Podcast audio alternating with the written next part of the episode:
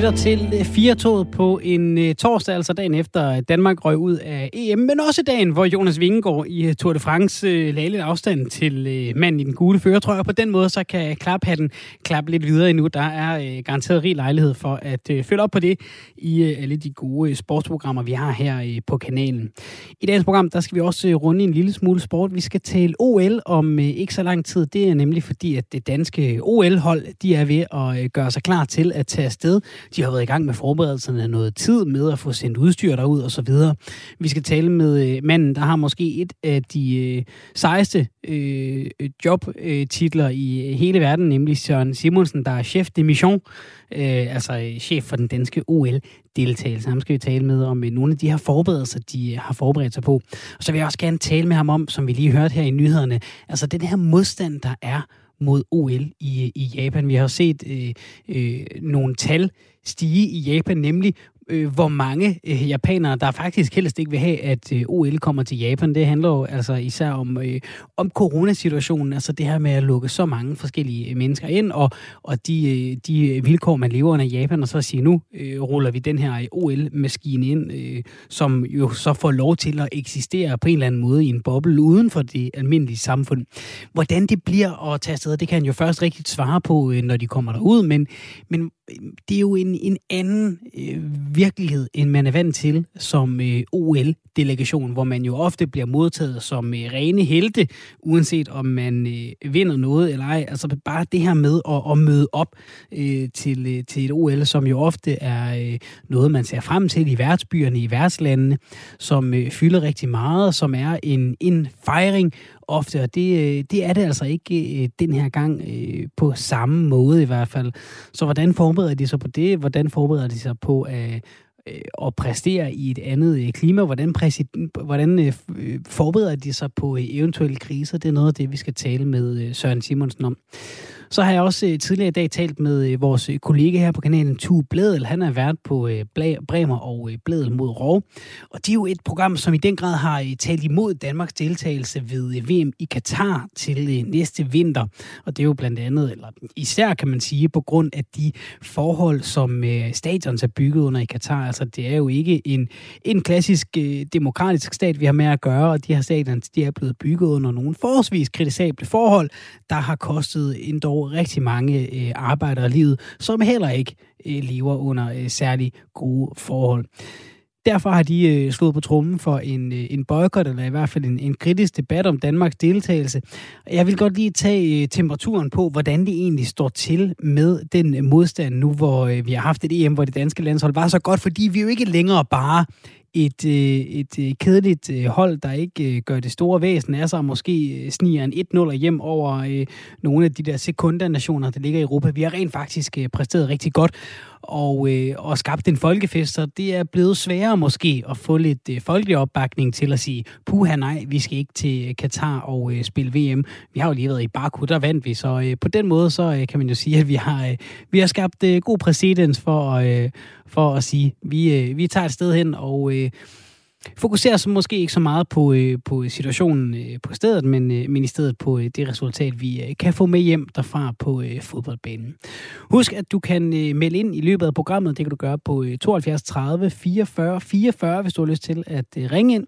Du kan også sende en sms på 1424. Du skal bare skrive R4 og så et øh, mellemrum og så din besked. Altså 1424.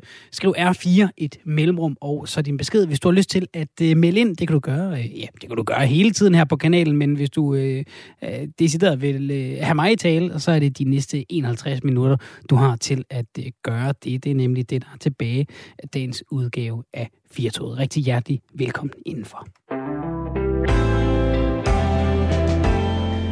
Som sagt, efter øh, nederlaget i EM i går og en øh, Tour de France, der er, åh, hvad nærmer det så måske sådan halvt færdigt, så øh, er det jo fint at kunne se frem mod den næste sportsbegivenhed den her sommer, nemlig OL i øh, Tokyo. Der er godt to uger til OL Fakten tændes, og øh, hele verden mødes i idrættens og øh, sportens navn for at konkurrere og dyste og øh, den fællesskaber måske på afstand. Et OL, som på grund af covid-19 er blevet rykket et år, og altså også øh, er påvirket af øh, verdenssituationen under det her års leje. Hvordan forbereder man sig på øh, ja, både det almindelige OL, altså det her med at skulle tage til Tokyo og øh, yde sit maksimale rent øh, præstationsmæssigt i, i, i et andet miljø, og, øh, og så øh, også øh, den her lidt aparte måde, det bliver afholdt på. Velkommen til øh, Søren Simonsen, chef de mission, altså den danske OL-chef. Tak skal du have. Prøv lige at sætte os ind i, øh, bare helt kort, fordi øh, jeg har talt med dig her før i programmet, Søren, men jeg bliver ved med at hæfte mig ved, ved, ved den her super fede titel, du har. Hvad er det, dit job er? Hvad, hvad laver du, når du går på arbejde som chef de mission lige nu? Jamen, jeg skal forsøge at balancere vores deltagelse til øh, OL, og det er egentlig på alle parametre. Øh, lige fra det sportslige selvfølgelig i tæt samarbejde med øh, sportscheferne og Team Danmark, og så over til det mere logistiske, som nok er vores hovedområde, nemlig hvordan kommer vi derover, hvordan bor vi, hvordan skaber vi et high performance setup, så vi kan skabe de øh, bedste muligheder for, at atleterne de kan præstere. Og bare lige for at få placeret, øh, hvornår har du allermest travlt? Har du haft, øh, har du haft det i forhold til at få sendt ting øh, til øh, Japan? De, de er jo lidt længere undervejs. Er det nu, du har travlt, hvor I skal lige være, være klar? Er det, er, det, er det ude i Tokyo, du kommer til at få allermest travlt? Hvornår, hvornår øh, ligger der allermest på dit bord?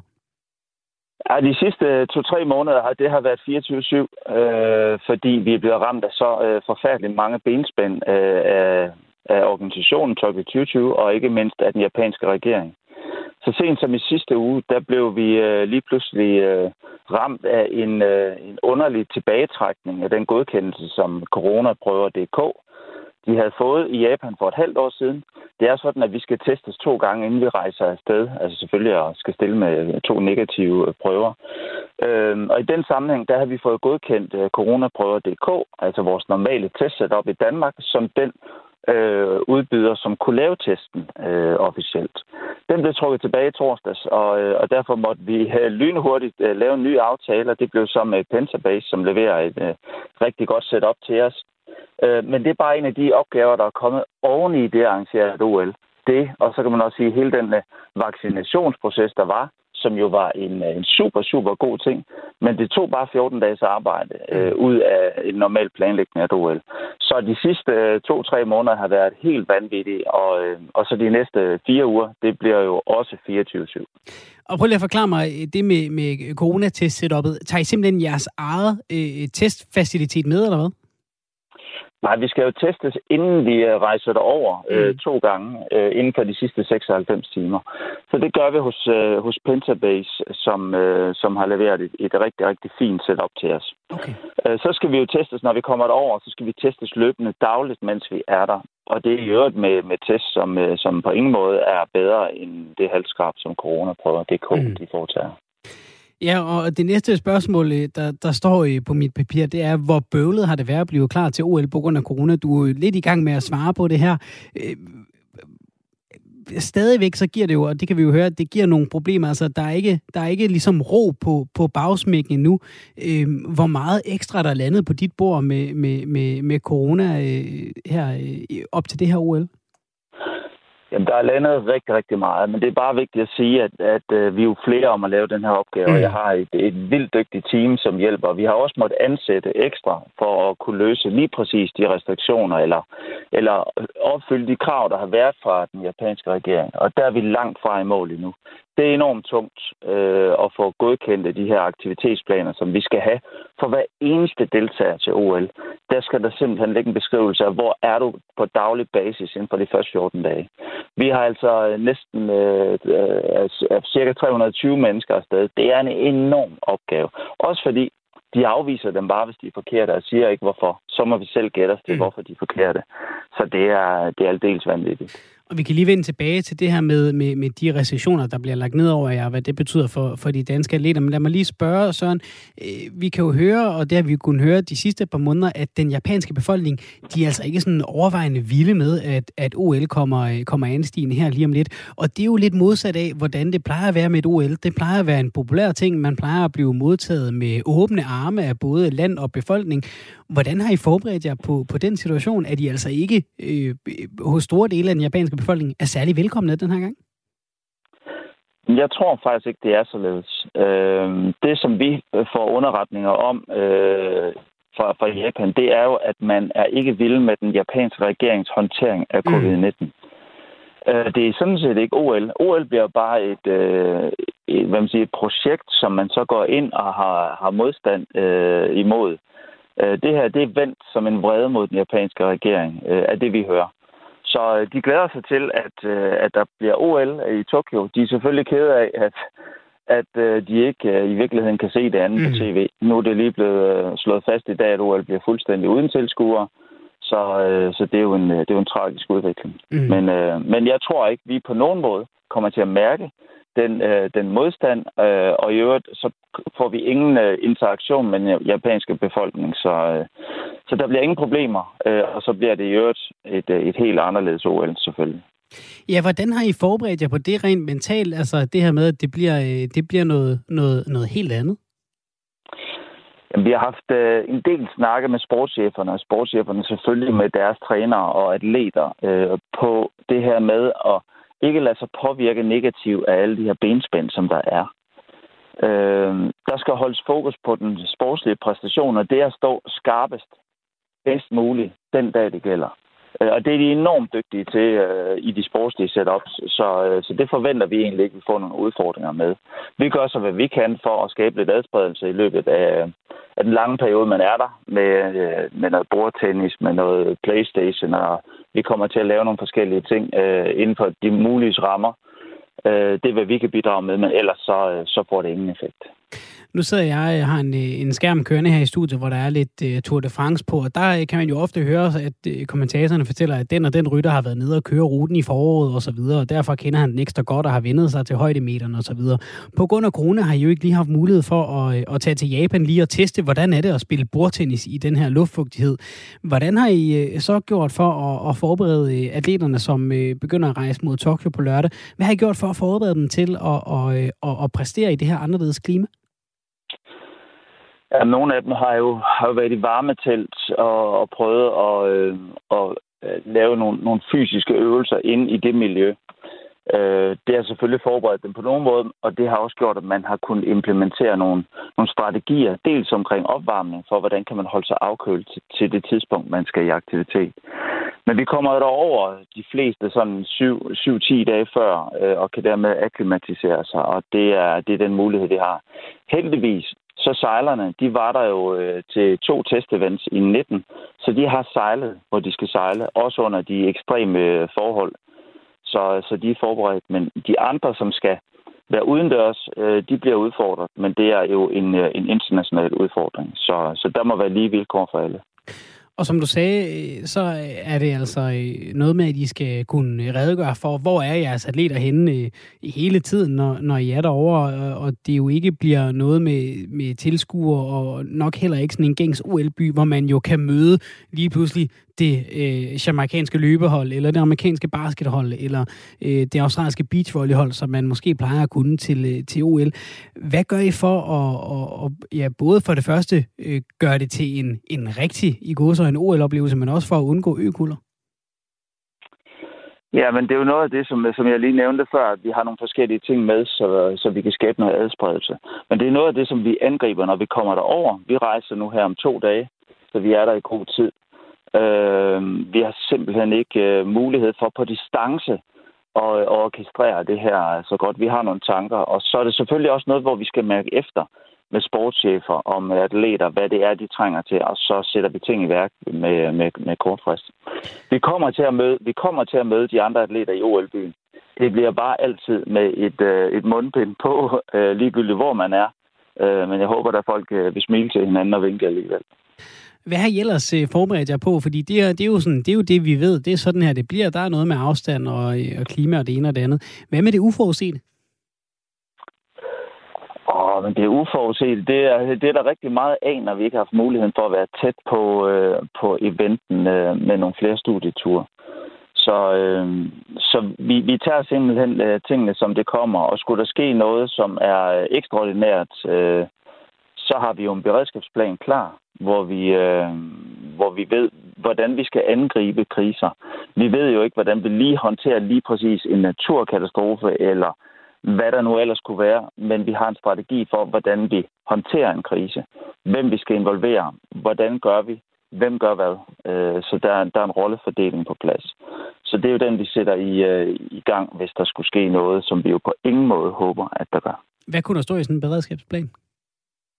Jamen, der er nogle, øh, nogle øh, det, det er sådan protokoller og procedurer for, hvis øh, det her det sker, hvem er det så, vi først skal informere? Selvfølgelig skal vi jo håndtere, hvis der er nogen øh, ofre i det her, nogen det er gået ud over, øh, hvordan gør vi in-house?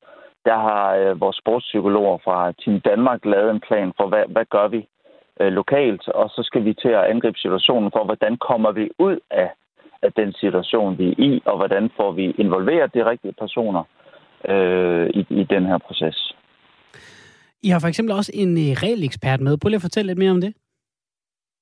Ja, øh, det, er jo, det er jo et sejl, som er enormt komplekst, fordi øh, der er noget med, hvem der sejler ind først i en kurve og så videre, og så videre. Det, det er ikke helt så lige til, som øh, om man har ramt en lærdue eller ej.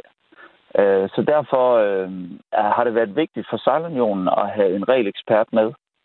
Øh, vi husker øh, vel flere af os tilbage til 2008, hvor en masse knækkede øh, i, i, øh, i finalen, og vi måtte ud og låne en båd øh, for at, at færdiggøre finalen, og heldigvis kunne det og vandt guld.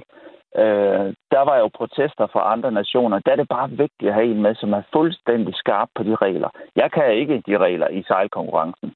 Det kan sportschefen måske til nøds øh, og til en vis grænse, men en ekspert med der, hvor ting kan afgøres på, øh, øh, hvad man siger, på regelsættet, der er det vigtigt, at vi er skarpe. Så, så det er vi i sejl. Og hvis vi lige skal prøve at, øh, at tale om sådan det, det, de hårde fakta, hvad er jeres medaljemålsætning i år? Vi har sat øh, en målsætning, der ligger mellem 8 og 10 medaljer. Øh, vi har lavet et spænd, fordi øh, verden er meget usikker. Vi ved ikke, hvor vi står. Øh, der har ikke været øh, ret mange internationale konkurrencer øh, over de sidste år halvanden. Øh, Øh, så vi ved ikke, øh, hvordan vores konkurrence står, øh, konkurrenter står. Men, øh, men vi, vi vil jo rigtig gerne som nation øh, derop, hvor vi har været til de sidste, øh, sidste mange, mange OL, altså i det spænd øh, derfra fra 8 til 10 medaljer. I Rio fik vi 15. Det var helt ekstraordinært godt. Øh, vi er rigtig glade, hvis vi når op i det spænd, og vi er ovenud lykkelige, hvis øh, det kunne blive til flere. Er der nogen, nu ved jeg godt, nu så siger du alle, men, men hvis jeg alligevel prikker til dig, er der nogen atleter eller nogen sportsgren, du særlig glæder dig til at se øh, få lov at folde sig ud ved, øh, ved det her OL? Uha, øh, jeg glæder mig i, og det her det har ikke så meget med, med medaljemålsætninger at gøre osv., men jeg glæder mig til at se Rune Glifbjerg, som er med i skateboard. Han er jo øh, for det første skateboard med for første gang til et OL. Det er en helt anden kultur. Øh, det var øh, øh, det var så fedt at få ham med. Han er jo skateboard verdens Messi. Øh, mange af hans konkurrenter, det er nogen, der har siddet og spillet ham på videospil, da de var børn. Så det bliver helt vildt fedt at se øh, 46-årige Rune Glifbjerg øh, på banen, øh, i, og det er så i slutningen af OL. Så, så det ser jeg rigtig meget frem til. Får han lov til at lave lidt bredere ben i OL-uniformen? Bredere ben? Hvad tænker du? Og sådan lidt mere skaterbuk sagt måske. Det skal være Rune, der, tager, der træffer det valg, om han står det bredstående. Han får i hvert fald lov til det, hvis, uh, hvis han spørger mig. Søren Simonsen, øh, chef de mission, altså den danske OL-chef. Tusind tak, og god tur og god vind derude også. Tak skal du have.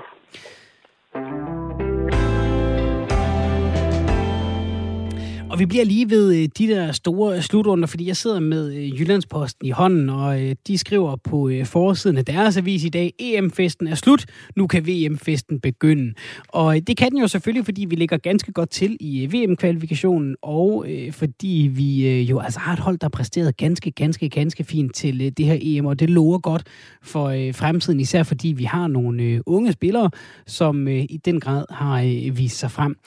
Og når man kigger frem mod det her øh, VM i Katar, der venter til øh, næste vinter, så er det jo noget, der øh, har skabt lidt debat. Der øh, har været snak om en boykot. Der er flere øh, fangrupperinger rundt omkring i Europa, blandt andet i, i Norge, som har opfordret til øh, at, at boykotte det her, det her VM. Og øh, derfor fik jeg lyst til at øh, tale med øh, en af dem, som øh, i den grad har stået på trummen for at øh, kigge lidt mere kritisk på øh, dansk deltagelse ved VM i Katar, nemlig Tue Bledel, der har været på øh, Bremer Bledel mod øh, Rov her på øh, kanalen. Ham talte med øh, tidligere i dag, om han, øh, om han stadig mener det oven på øh, sådan en øh, folkefest, vi har haft med, øh, med det her EM.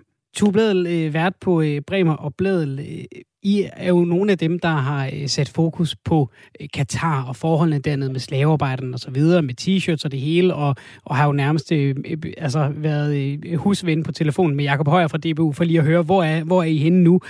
Vi er jo næsten kommet igennem et EM, der også har haft øh, sådan nogle, nogle små situationer, hvor man godt kan mærke, at UEFA øh, heller ikke tænker på fans eller så mange andre end sig selv og, og pengepungen. Altså vi har haft øh, reklamerne for Gazprom og, og, og de kinesiske firmaer. Vi har haft hele forløbet omkring, omkring øh, Danmark-Finland-kampen. Øh, øh, skulle spillerne gå på banen? Hvornår skulle de gøre det? Regnbueflagsmarkeringer mod Ungarn, at der bliver spillet i Baku i Azerbaijan, altså mulighederne for at få stadion, øh, stadionerne fyldt med, med respektive øh, fans her øh, sidst i turneringen. Der har været rig mulighed for at sige, nu boykotter vi også EM, men Danmark har jo bare klaret det rigtig godt og været et øh, appellerende hold, øh, både på banen og uden for banen. Det der med at boykotte noget i praksis, kan du godt mærke, det er lidt sværere, når, når, når vi er røde og hvide, og det bare går godt? Det er helt klart, det bliver meget nemmere at boykotte VM i Katar, hvis det er, at vi ikke kvalificerer os til VM i Katar. Øh, det er der slet ikke nogen tvivl om. Og vi har faktisk også talt om i programmet, Amalie og jeg, at vi jo godt både har kunne mærke på os selv, øh, at vores måske ellers normalt det kritiske bid i øh, DBU, at det har ligesom sluppet lige så stille, og øh, i stedet så er vi øh, sejlet op og ned af åen sammen med alle de andre. Øh, så det er der slet ikke nogen tvivl om, at hele det kritiske blik, der er på moderne fodbold, det ryger lidt til side, når, der, når fodboldfesten banker på døren. Det, det, det har vi også kunne mærke. Og er det en god ting eller en dårlig ting, at vi jo, øh, det er jo det, sport skal kunne, og det er jo også en af kongestankerne i jeres program, altså at, at sporten skal kunne henrykke, ikke? Og, og vi skal kunne give os hen og, og nyde alt det gode ved den, så er der jo bare tit nogle, nogle øh, pengemænd eller nogle øh, dopingfolk eller et eller andet i den anden ende, som, øh, som ødelægger det hele lidt. Men netop det der med, at vi lader os rive med på trods, er, er det, er det en, øh, en, en større sejr end et nederlag? Altså, det er i hvert fald helt tydeligt, at der er plusser og minuser ved det. Øh, fordi at det smukke ved fodbold, for eksempel, er jo netop, at det forener hele verden og giver stort set hele verden et fælles sprog, som vi ellers ikke har. Og det tror jeg altid er en god ting. At man kan snakke sammen om noget. Altså, vi kender det alle sammen fra, når man hvis man er på en tur i Mellemøsten eller Afrika eller et eller andet, der er relativt langt væk fra Danmark, man skal ikke andet end at nævne, øh, hvis man er heldig, Michael Laudrup, og ellers kan man altid gå med Messi eller Cristiano Ronaldo, og så har man en samtale. Og det tror jeg faktisk øh, betyder noget mere, end også bare lige, at man har noget at snakke med taxachaufføren øh, om. Så, så det tror jeg helt klart er en styrke at mærke, når sådan en stor fodboldbegivenhed ligesom taler på tværs af en masse nationer, og at alle lader sig henrykke. Men det er helt klart, der bliver også givet på den konto i form af, at vi lidt øh, glemmer, at der også er nogle gigantiske pengemaskiner, der kører bag ved det her, som ikke tager særlig meget stilling til nogle af de ting, vi måske ellers gerne vil have, der også lige blev øh, taget stilling til. Så jeg tror, det er sådan en plus-minus, og som i alt muligt andet, så tror jeg, det bliver sådan en... Øh, altså det bliver sådan en, ligesom ja, med alle mulige andre ting i livet, at man må mærke, øh, om kompromiset er godt nok for en. Øhm, og der vil jeg sige, med det her EM, der, har jeg, der synes jeg helt tydeligt, at der føler jeg, at der er blevet givet mere. Der er kommet mere godt ud af, at det er blevet afholdt og på bagkant af corona, og jeg tror, det har haft alle mulige gode effekter. Så lever jeg med, at øh, der er nogle gangster i Azerbaijan, der helt tydeligt har, har øh, smurt øh, UEFA, så de kan få lov til, at der bliver spillet EM på deres stadion. Øhm, og, jeg, og i den sammenhæng kan jeg også godt lide at sige, så var der nogle danske fans, der tog det her regnbueflag med på stadionet i Baku, og der synes jeg faktisk, det giver mening at tale om, at der der måske bliver gjort, gør en større forskel ved, at man så gør noget. Man er stadig med i turneringen, men man prøver at lave nogle statements undervejs. Okay, men du har simpelthen rykket bare... dig hele vejen over og sidde ved siden Jakob Højer og sige, hvis vi bare har nok regnbueflag med til Katar, så kan det give mening. Det er der, vi tager hen og snakker med dem. Det er, det er, den, øh, det er den indre dialog, øh, tror jeg, de kalder den i DBU. Nej, altså den er jeg ikke med på på Katar, men den er jeg faktisk med på på det her EM. Fordi jeg synes, at der er problemerne trods alt i størrelsesforhold i forhold til, hvad det giver godt. Ikke store nok til, at jeg synes, at man skal øh, spille det allerstærkeste trumfkort, man har i værktøjskassen, som jo er boykot. Mm. Men det synes jeg stadig, vi skal gøre ved VM i Katar, fordi der synes jeg, forbrydelserne er tilpas store til, at der kan jeg mærke, der har jeg ikke lyst til at have en fodboldfest. Det havde jeg stadig med det her hjemme. Jeg havde lyst til at have en fodboldfest, selvom jeg jo godt ved, at der var nogle ting, der foregik i skyggerne. Men de ting, der foregår i skyggerne nede i Katar, de er for store og for alvorlige til, at jeg synes, at vi kan øh, acceptere, at vi lige kører tre ugers fodboldfest ind over det. Og, og du vakler ikke i troen, når du fremskriver og ser, øh, altså, hvor god Mikkel Damsgaard kan være om halvandet år?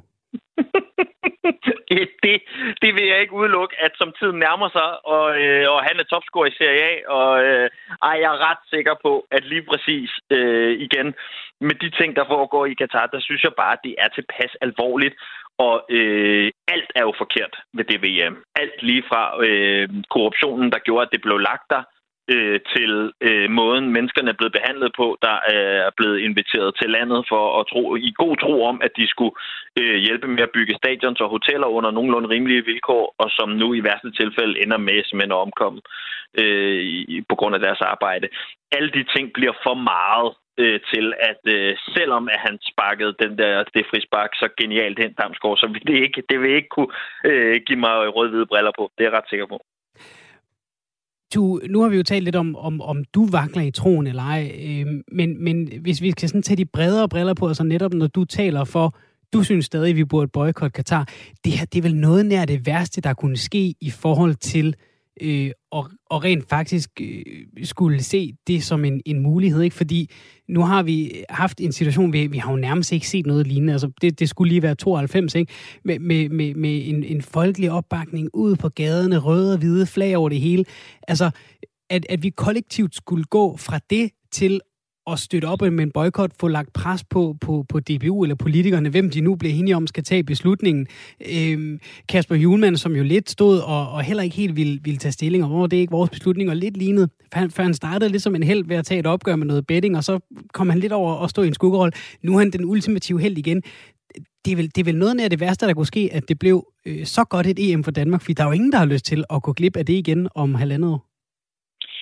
Jeg tror helt klart også, at det, bliver, det er noget, der i forvejen tydeligvis var meget svært. Det bliver nu endnu sværere. Øh, hvis man skal tage de helt store briller på og også snakke om andet end Danmark, så kan man mm. sige, så er der også en anden vigtig dominobrik, der er faldet den forkerte retning i forhold til, hvis man gerne så et, et boykot. Og det er jo for eksempel, at de i Norge, i det norske fodboldforbund, med den store afstemning, der var for en måneds tid siden der, øh, med alle de delegerede, hvor klubberne også har stemmer osv., hvor at mange klubber jo havde meldt ud, at de egentlig støttede et boykot, og jo klart virkede som det land, hvor at der var mest øh, ulmen omkring det VM, at de tippede jo med en rimelig sikker favør. Jeg mener, det var noget, der mindede om to tredjedel for, at de stadig skulle til øh, VM, hvis de vel mærket kvalificerer sig. Så man kan sige, der er også nogle ting der, der gør, at det, det, det så svært ud i forvejen, og det er klart, set med danske briller, at det er også blevet sværere nu at vende en folkestemning, hvis det var det, øh, der skulle til, øh, for at sige, at vi ikke skal til det øh, VM. Men jeg synes faktisk, at der er nogle enkelte ting, som man også godt kunne se på som positiv i forhold til det. Og jeg synes faktisk, øh, lige for sådan at udfordre din øh, julemandanalyse lidt, så mm. synes jeg faktisk, at han har vist nogle tegn, øh, i den måde, han er gået rimelig hårdt imod, for eksempel i efterspillet omkring Finlandskampen.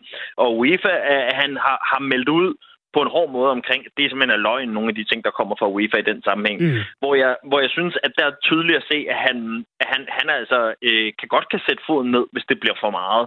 Øhm, og godt tør gå lidt imod øh, den store øh, fodboldorganisation. Og så synes jeg også, at øh, der er, måske håber jeg, i forhold til spillerne, at al den her kæmpe kollektive rykke sammen i bussen oplevelse, som det jo også har været for dem helt tydeligt, og de er jo virkelig øh, også tydeligt blevet rørt af den her opbakning fra de danske fans, at det kæmpe store, gigantiske rød-hvide kram, som nationen har givet dem, at det måske kunne give dem noget mod til at sige, vi har så stor støtte, at vi godt tør, hvis det er sådan, vi har det, sige, vi har det sgu også virkelig mærkeligt med, at vi skal til Katar og øh, udfordre, øh, at den beslutning findes, og tur blande sig lidt i debatten øh, og sige, hvordan de som mennesker har det med at skulle derned. Noget, som de jo ellers øh, har fuldstændig holdt sig fra. Så det, det er min egen lille forhåbning, øh, at der måske, at det her EM og den her oplevelse, vi har haft i Danmark, måske også kunne åbne op for det. Så ikke nødvendigvis, at holdet stiller sig ud og siger, at vi boykot, men mere at holdet stiller sig op og åbner op og siger, vi synes faktisk også, at det her det er lidt mærkeligt. Ja, præcis, fordi det er jo også det, jeg synes er lidt fejlagtigt, at man, hvis man forventer, at spillerne skal ligesom være dem, der siger, mm. øh, selvom vores egen fodboldforbund og politikerne ikke bakker op med et boykot, så siger vi nu, vi tager ikke afsted under nogen omstændigheder. Det synes jeg er voldsomt pres at lægge på dem, men jeg synes ikke, det er et voldsomt pres at sige, Simon Kær og alle andre, I har jo vist, I har masser af følelser. Altså, vi kan også godt øh, tåle at høre jer sige, vi har det virkelig mærkeligt med at skulle ned og spille på nogle stadions, hvor mennesker er omkommet i tusindtal for at have bygget dem. Øh, det er virkelig en underlig følelse for os. Det betyder ikke nødvendigvis, at vi boykotter. Vi ved ikke helt, hvor vi skal stå. Men, men, men bare begynder at turde sådan åbne lidt op for, at de også har nogle overvejelser og nogle bekymringer omkring det, som jeg synes ville klæde dem enormt meget. Og det kan man jo se, en, en spiller som Sanka også øh, åbnet lidt op øh, over for netop den her kamp i Baku. Ikke? Altså det her med at sige, det er, det, det er penge, der har trukket os hertil, kan man godt se. Ikke? Øh, hvis vi lige skal blive ved den, det var også noget, du selv nævnte, altså det her med at spille i Baku, som jo, jeg tror for de fleste nok vil være, vil være den, den måske mest graverende ting. Ikke? Netop, at der bliver spillet en, en, en kamp til EM i et land, der ligger forholdsvis langt fra Europa. Er det ikke også lidt lidt beskæmmende, fordi vi jo har gået og haft sådan en fornemmelse af, at Katar, det var det var, det var, det var, det var, det var dengang. Aldrig mere Katar. Det, det, det, jeg synes i hvert fald, vi havde en fornemmelse af, okay, det, nu, nu kunne vi godt se, at det er gået for langt der. Vi kan, ikke, vi kan ikke lave den beslutning om, det kunne man så nok godt, men, men det er ligesom den officielle linje. Vi kan ikke lave den beslutning om, men, men, men fremadrettet, så kommer vi ikke til at ende der igen. Og så gjorde vi det alligevel her til EM i 2021. Jo, virkelig. Og, og det er jo helt tydeligt, at det der, det kører stadig. At det er ikke sådan, så det kan man jo også mærke på al øh, kommunikation fra både UEFA og øh, FIFA. Altså, de virker ikke som om, de tilnærmelsesvis ryster i bukserne over kritikken. Altså, de trumler videre. Øh, der er ikke nogen kæmpe store øh, reformationer på vej af de to øh, forbund, føler man. Det er de samme mennesker, der sidder i spidsen. Øh, og de driver det på nogen øh, lunde samme måde. Så, så jo, helt klart, der har jo også været et, øh, i mellemtiden er der også lige blevet uddelt et øh, U21 øh, EM, mener jeg det er, der skal afholdes i Hvide Rusland, mm. altså øh, der, hvor øh, det er Europas sidste diktator, Lukashenko, han regerer, øh, som jo også er hovedrystende øh, og sket efter øh, Katar. Så der er stadig masser af tegn på, at det bliver kørt på samme måde. Øh, men jeg synes faktisk også, at øh, måske det bare øh, al den her positive fodboldstemning, der er herhjemme, der gør, at jeg har lyst til at, at, at tro lidt på det, men jeg synes faktisk også, at den snak, der, at det er jo blevet tydeligt for enhver UEFA, øh, meget øh, er der for pengenes skyld. Altså, det tror jeg bare, man behøver at se, da de sendte ham, Fritz Alstrøm, deres øh, udsending i Danmark, ind i TV-avisen for at prøve at øh, og forsvare deres beslutning, som jo endte i en altså nærmest øh, komiske Ali-situation, mm. hvor han flere gange får sagt, det har ikke noget med pengene at gøre, men det, bliver, det koster os jo virkelig mange penge. øhm, altså, så, så der er også sket nogle ting under det her EM, hvor jeg tror, det er blevet tydeligt for enhver, øh, at de der fodboldforbund, altså, det er lidt noget af det, der er i vejen med moderne fodbold i dag. Du er vært på øh, Bremer blevet mod Rov. Baseret på øh, antallet af landsholdstrøjer i gadebilledet de sidste 48 timer, så tror jeg virkelig, I har ramt ved stadig at, at, at kalde lidt på den her boykot af Katar. Har I endelig ramt navnet Bremer blevet mod Rov? Altså 100% præcist i, øh, her i Danmark. Tusind tak for det, Tu. Ja, tak. Vi øh, tordner videre mod masserne. Ja, som Bladet siger, de bliver, de bliver ved, og Frank har skrevet, øh, er nødt til at spørge, er det menneskeliv eller fodbold, der er vigtigst? Mere kompliceret er det da ikke. Alt andet end boykot betyder accept. Det er Frank, der har skrevet det. Han har jo ret, øh, Frank, ligesom øh, Tue også har det. Altså, øh, en, en, alt andet end boykot, det er at sige, okay, vi, vi har det okay med det her. Og det er jo der, at øh, den, øh, den personlige fodboldkærlighed bliver sat på prøve, ikke? fordi selvfølgelig burde man sige, nej, det vil vi ikke. Det bliver godt nok svært, øh, når, man, øh, når man skal kigge på de der følelser, øh, mange har haft den her sommer, og, og sige, skal vi gå glip af det? Og som Frank så skriver, er det så så svært endda, menneskeliv eller fodbold? Det burde det ikke være. Det er det, det, er det altså øh, for mange, tror jeg, at gå ind og lave den, øh, den kalkyle. Hollywood har mistet en af øh, filmbranchens mest øh, banebrydende filminstruktør, nemlig Richard Donner, der er død 91 år gammel. Og vi alverden verden er Richard Donner, så tænker du måske, ja, det talte jeg øh, tidligere i dag med filmekspert og vært på podcasten Filmnørdens Hjørne, Kasper Christensen, om, hvor jeg spurgte ham, hvem var ham her, Richard Donner? Jamen, han var en, øh, en af de der store mainstream Hollywood-instruktører, der op igennem sådan 70'erne, 80'erne, dels 90'erne, laver nogle kæmpe store hits og, øh, og virkelig er med til at forme øh, Hollywood på en måde, med især med hans, øh, hans dødbringende våbenfilm, som blev kæmpestore. De, der er mange spændende ting ved dødbringende våben, men først og fremmest så er det øh, Øh, nogle film, der gør actiongenren til ja, næsten en familiefilm. Det gør actiongenren til en øh, næsten den primære genre for biografer på det tidspunkt. Det var ikke så øh, populært som en mainstream genre på det tidspunkt. Det ændrer de film altså på. Øhm, han, han er en mand, der som, som øh, ja, indslaget her jo også lidt bærer præg af, altså jo, jo ikke er så kendt, selvom at han faktisk har lavet film, der er så store, Goonies, The Omen, øh, øh, Dødbringende Våben og andre. Og det, er, og det er ret interessant at prøve at finde ud af, hvorfor, altså, hvorfor er han gået i glemmebogen, når, I don't know, Steven Spielberg ikke er, eksempelvis. Og, og hvis vi skal prøve at, at, at snakke lidt mere om, øh, om hans film, øh, og, og hvordan han var som instruktør, øh, lad os tage fat i, i det andet først. Hvordan var han som instruktør?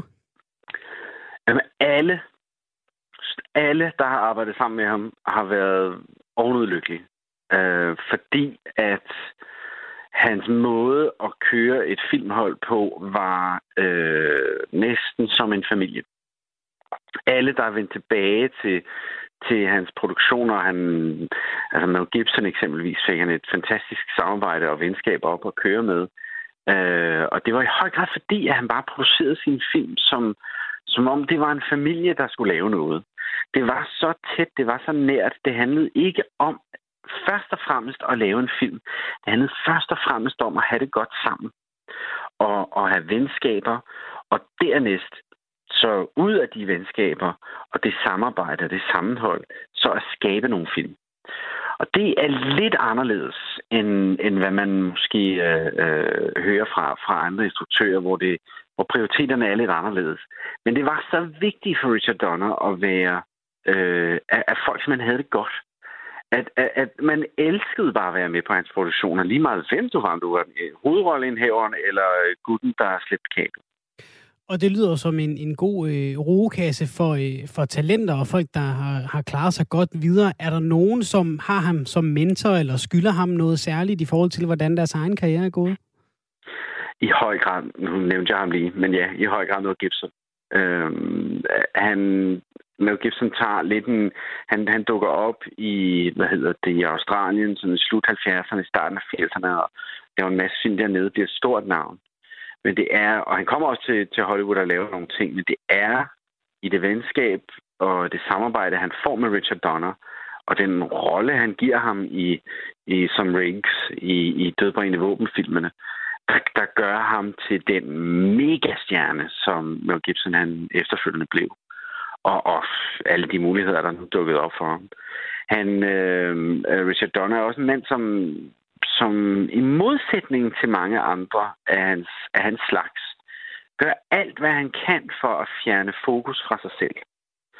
Øh, han, han øh, i, i, i modsætning til øh, skuespillere, som jo nærmest lever af at få fokus, både når de er på ladet, men også øh, væk fra det, så gjorde han alt, hvad han kunne for at øh, bibeholde et privatliv, netop fordi, at de her venskaber, han nu fik op at køre, det var ægte. Det, det var hele pointen med at lave film for ham og leve det liv, som han gjorde. Det var at få de venskaber. Det var ikke at lave filmene. Og, øh, og at, at hans venner så indimellem nød rigtig godt af det. det er så, hvad det er. Men, øh, men, men ham selv, han, han gjorde alt, hvad han kunne for at gå i glemmebogen. Det har han også øh, til dels lidt gjort. Det er ufortjent. Er der nogen instruktører, som vi kan se, han har påvirket i en særlig grad?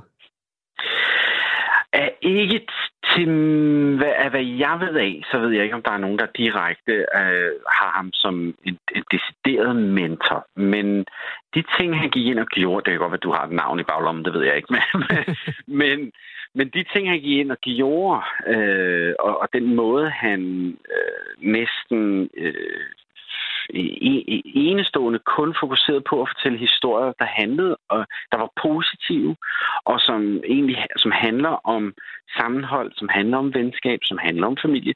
Der er også, sker også alt muligt andet, og der er masser af action og gys og ting og sager, men grundlæggende, så er det de ting, han fortæller historier om. Det er den røde tråd op igennem hans film det kan have smittet af på andre. Men han er også en del af en, en, en, et form for F, det næste skyld efter noget, der hedder, altså vi har New Hollywood, der kommer op igennem 70'erne, som alle bisserne, hvor, alle, øh, hvor man pludselig laver sådan nogle farlige film, og øh, øh, hvad hedder han, Scorsese kommer og laver farlige film, og Coppola og så videre. Øh, Donner, han, han får virkelig vind i sejlene op i 80'erne med de her meget positive historier. Festlige film, der er mega underholdende, og som handler om, om sammenhold og samvær. Og det, øh, det, det har helt sikkert været en inspirationskilde for mange, fordi at han laver så mange billetter, som han gør. Det er jo meget populære film, mange af dem. Men så sandelig også, fordi at han, han har det fokus, som han har i, i sin historie. Og det er jo ikke meget, vi hører frem efter 80'erne. Det er jo, jo, han er født i 1930, så han, er jo, han, er, han har jo en vis alder, det er slut 80'erne, men han er jo ikke øh, tusse gammel. Der er jo masser af instruktører nu, der laver film øh, og, og er meget ældre. Hvad har han lavet, siden han stoppede med, med, med Lethal Weapon? Altså, Dødbringende Våben slutter der i, jeg tror, 98 er den, 98 er den seneste film. Øh, så laver han nogle enkelte øh, Øh, film efterfølgende. Øh, der, er en, der er en film, der hedder Timeline, og så hans sidste film, som er 16 Blocks fra, fra 2006, som i øvrigt er en glimrende lille øh, thriller. Men, men han trækker sig stille og roligt tilbage. Som jeg også sagde før, det er ikke fordi, altså, det der tænder ham her, det der, det der driver ham frem, er ikke at lave film. Fordi så tror jeg, han var blevet ved. Det, der driver ham frem, det er at, at have gode venner, og have, have en god familie. Og han opnår det begge dele i overflod så bruger han sin tid på at hygge sig de seneste 20 år, altså på at slappe af. Så har han været masser altså involveret i alle mulige non-profit organisationer, og især ham og hans øh, producerkone blev meget involveret i, i dyrenes beskyttelse og, og, øh, og lavede, altså kæmpede for øh, alle mulige, for, i alle mulige forskellige sager i USA. Meget omkring øh, øh deres øh, behandling af hvad hedder det, øh, havdyr i de her marine parks, de har og sådan noget derovre. Der var han enormt langt fremme og lavede enormt meget larm for at få sørget for, at de her dyr fik meget bedre øh, hvad det hedder, levestandarder, end, end de gjorde. Så han har arbejdet enormt mange, med mange andre ting end, end film siden da, og, og har haft et, et super godt og dejligt og, og langt liv så kommer der et spørgsmål, som jo så ikke er helt i Richard Donners ånd, men det er måske svært for, for både dig og mig at svare på, hvilket filmsæt han havde, der var det hyggeligste til en given film. Så hvilken film var han så hans bedste? Det er vi bedre til at svare på. og det, det er sgu egentlig svært. Jeg tror altså, Superman, han laver Superman i 78. Det er så vildt, hvad den film øh, gjorde, og hvad den stadigvæk har betydning, fordi Superman er til dels stadigvæk den film, man bruger som målestok efter, hvad en, en god superheltefilm øh, skal og kan kunne, kunne. Så jeg tror, men der er mange, altså hele, hele serien af dødbringende våbenfilm er jo helt fantastisk, men, og mange andre, men nej, det, det, det er Superman. Det er det, han gør med Superman, og til dels også Superman 2, som, som han laver. Det er en fantastisk film. Han, han, han opnår det, der var hans store øh, mål, hvilket var at gøre det, det, det fantastiske realistisk, og gøre det, det utrolige til, til noget, man kan tro på. Og det, det er bedst repræsenteret i den film, fordi han får simpelthen folk til at tro på, at den mand, han kan flyve. Øhm, og det, det, jeg tror, det, det, det er Richard Donner i hans karriere og hans liv i en nødskal, det er, at han får folk til at tro på, at Superman han kan flyve. Rammer han også, nu har vi talt om, om dødbringende våben, rammer han det helt rigtige tidspunkt for at være den ty- type instruktør, han er at lave, den, den type film, han laver, altså de her, øh, som du siger, 80'er film, som er positive, har noget humor osv., altså fordi hvis han havde levet i dag, eller ja, hvis han havde, hvis han havde haft sin storhedstid i dag, så havde det været sådan noget, du ved, Seth Rogen og James Franco sikkert, ikke? Øhm, altså, at, at han, er, han er heldig på en eller anden måde at ramme øh, det tidspunkt, hvor der bliver lavet den type film, der åbenbart lige passer godt til ham. Altså, øh, det, det, du har fuldstændig ret. Han, han lander helt perfekt med de film i 80'erne, det, og det er jo noget at gøre med tidsånden i USA på det tidspunkt. Den, det, det kæmpe land er lige kommet ud af flere årtier med kriser. Op igennem 60'erne har de, altså alt det med, med JFK og alle de mor, der var på, på borgerretsforkæmper. Så er der Watergate og Vietnam op i 70'erne og økonomisk krise og oliekrise. Der er så meget bøvl, som de får rystet af sig. Så da Reagan ligesom rejser sig op, skuespilleren Reagan, i front for det her land, siger, nu skal vi simpelthen have en fest og tjene nogle penge, så ændrer tidsånden sig også. Og det er meget mere positivt. Man er meget mere øh, indstillet på, øh, på glade dage og på, på festlighed. Og det leverer han det er Richard Donner også. Han, det, øh, og det har han været hele sit liv. Han er altså vel at mærke en, en ældre herre deroppe i 80'erne, så han har født tilbage i 30'erne. Så, så han, det er helt perfekt, at det er der, han laver øh, Goonies, og han laver Dødbringende Våben, han laver Scrooged, altså han laver en række film, store, store film op igennem 80'erne, som netop er lige præcis det, øh, som, som han gerne vil være, og som de har lyst til at se i, i, på det tidspunkt. Sådan lød det fra øh, Kasper Christensen, der er filmekspert og øh, vært på podcasten Filmnørdens Hjørne, som jeg altså talte med tidligere i dag om øh, filminstruktør Richard Donner. Og i næste uge, der lander der en podcast kun om Richard Donner fra netop Filmnørdens Hjørne. Så den vil jeg anbefale jer at hive fat i, simpelthen fordi det altid er en fornøjelse at høre folk, der går virkelig meget op i noget, som Kasper Christensen og hans kompaner gør med film. Jeg hørte dem tale om det. Så i næste uge altså en Richard Donner podcast i Filmnørdens Hjørne, og som vi altså talt med Kasper Christensen om her. Hver dag øh, tager vi lige øh, pulsen her i studiet på, øh, hvordan det ser ud med agurketid. Er det blevet øh, tid til øh, de der historier, som øh, man godt kan øh, konsumere en masse af, men som der ikke er særlig meget næring i? Lidt ligesom en agurk, der jo altså er øh, 97 procent øh, vand og øh, varm luft. Vi øh, plejer at gøre det, øh, Simon og jeg her i studiet. Det øh, er nok ikke øh, mange af jer, der ikke har lagt mærke til, at det kun er mig, der sidder her i dag. Derfor har jeg inviteret vores dygtige producer, øh, Marianne Skov Pedersen, ind til at øh, hjælpe mig lige og, øh, og, og prøve at finde ud af, hvor er vi henne. Vi begynder at nærme os det, der ligner en sommerferie for mange. Øh, skolerne har været øh, gået på ferie et stykke tid nu. Øh, men har du fundet noget godt til os, som, øh, som øh, kan give os en pejling på, er vi på vej mod fuld af gurketid? Ja, det vil jeg sige. Altså, jeg synes jo, at agurketid er både øh, på en og samme tid en super kedelig tid nyhedsmæssigt, men ja. den er også meget underholdende, fordi der kommer nogle ting, som man tænker, ja, så ved jeg det. Ja. Nu skal du høre, det er simpelthen så spændende det her, Svende den her nyhed, som Ekstrabladet de har taget, det er, er du højere eller lavere end de kendte? Okay. Ej, den er de lavet igen i år. så øh, her kan du simpelthen se, er jeg højere end Lars Lykke? Er ja. jeg lavere end Lady Gaga? Okay. Du kan simpelthen få det store overblik over de mange okay. 100 danske og udenlandske kendiser. Er Tom Cruise med? Han plejer også at være en, de, øh, de plejer at have med der, fordi ham kan man som regel sige, at man er højere end. Ja, ja men der står, er du lavere end uh, Tom Cruise? Mm. Så uh, han er helt klart med, og det, der er endnu bedre, det er, at for at få adgang til den her oh, meget spændende artikel, så skal du faktisk betale ekstra, fordi den er jo simpelthen så spændende. Uh, den er bare god. Nå, var der nogen, altså fik du selv lige målt dig selv op mod nogle af de kendte så? Nej, for jeg skal jo betale for det, oh. men, altså, men jeg tror, jeg kan jo vurdere, at øh, jeg er 1,82, så er der nok en del af dem, jeg er højere ja, ja, ja, præcis. Nå, men det er godt at vide, at, øh, at den stadig kan laves. Det kan den simpelthen åbenbart. Mm. Har du øh, fundet mere til os? Ja, altså, øh, vi har en historie om, at der i Tokyo er kommet en stor storskærm op med ja. en kat.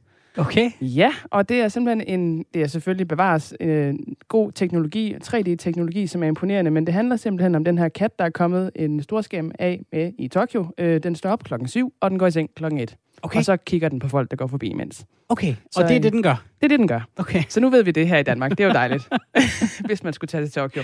Så er det jo fint, hvis man nu havde øh, lejet en stor skærm hele vejen til på søndag, og man havde tænkt, man skulle se en finale, så kan man jo lige smide en kat på, hvis man har lyst til det. Det kan man nemlig. Shinjuku-katten hedder den simpelthen. Ah, mm-hmm. dejligt navn. Ja. Hvad med dig? Jamen, øh, jeg har fundet to, og det er, jo, det er jo simpelthen fordi, nu har vi, nu har vi talt øh, en del om fodbold det her programmet, øh, ikke kun i dag, men også indtil nu. Og, og, og jeg siger jo det her med al mulig øh, veneration og respekt for det danske hold, øh, nu hvor de står og holder et afsluttende pressemøde mm. i Kastrup, og, og, fordi hold op, de har givet os en på opleveren.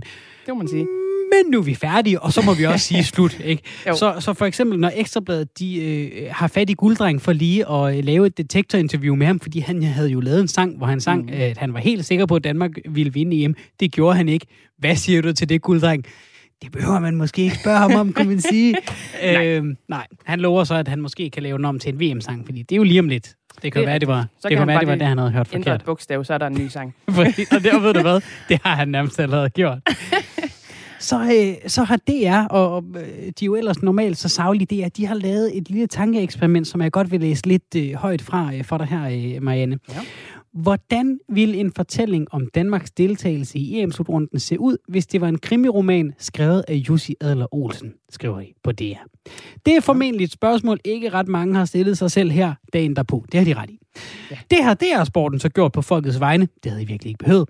For tanken er sjov, fortsætter de, og nærliggende, når man kigger tilbage på det, vi har været vidner til gennem snart en måned. Det har været en vild rejse gennem hele registret af følelser med op- og nedture. Ligesom en god krimihistorie er der både skurke, helte, udfordringer og en kamp for livet med i den. Øh, og, og de har så talt med Jussi Adel Olsen, og han har sagt, at alle elementerne er der. Historien om Danmarks herrelandshold og EM 2020 er skåret fuldstændig efter skabelonen til en medrivende fortælling med en fængende begyndelse og et forløsende godt, øh, og en forløsende og trods alt lykkelig slutning. Og, mm. og ja, det er det rigtigt. Det er jo en, en klassisk eventyrfortælling, men er det en Jussi Adler Olsen krimi? Ah. Nej, det er det ikke. Og det er det heller ikke. Det, de har fået Jussi til, det er, øh, de, den starter ligesom lynet slår ned på side 1 hvor han skriver, det her det er Jussis egne øh, ord, han har skrevet. Okay. I det sekund, jeg ser blikket i Christian Eriksens øjne, ved jeg, at den er helt gal. Jeg er ikke i tvivl om, at han er død.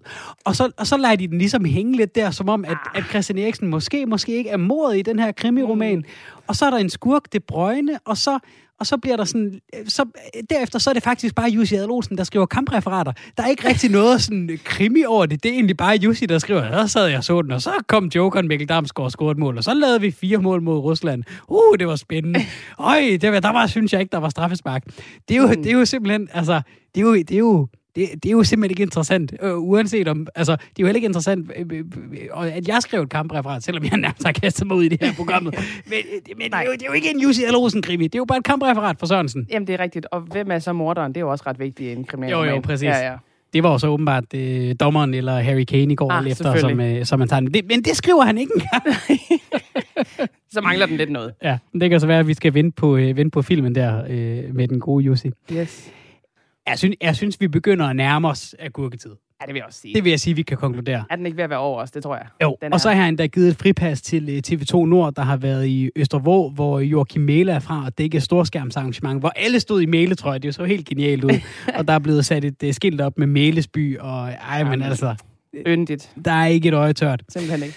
Der er heller ikke øh, meget tid tilbage af dagens program. Tusind tak for at øh, have lyttet med. Tusind tak til dig, Marianne, for lige at komme ind og øh, lege agurkebarometeret med os. Det gør vi igen i morgen, inden vi går på, i hvert fald mig og, og Simon går på en, en sommerferie her i Firtog. Så er der lidt sommerfirtog til i stedet. Så vi har lige et, et enkelt sommerskud mere i bøssen. Tusind tak for i dag.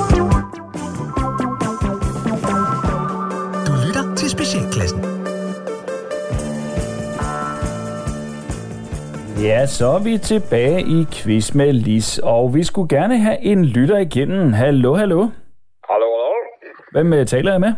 Jeg hedder Patricia fra Viborg. Goddag, Patricia fra Viborg. Nå, ja. Ja, hvad får du så sådan en sommerdag til at gå med? Ikke så meget. Uh, jeg sidder egentlig bare her og kigger lidt ud i luften. Uh, jeg lige mistet med job som konditor. Nå, ja, det er da ked af at høre. Ja, det er egentlig også. Men det er jo det her øh, forbandede bagdyst i fjernsynet. Øh, altså, det har fået alt for mange mennesker til selv at begynde at bage.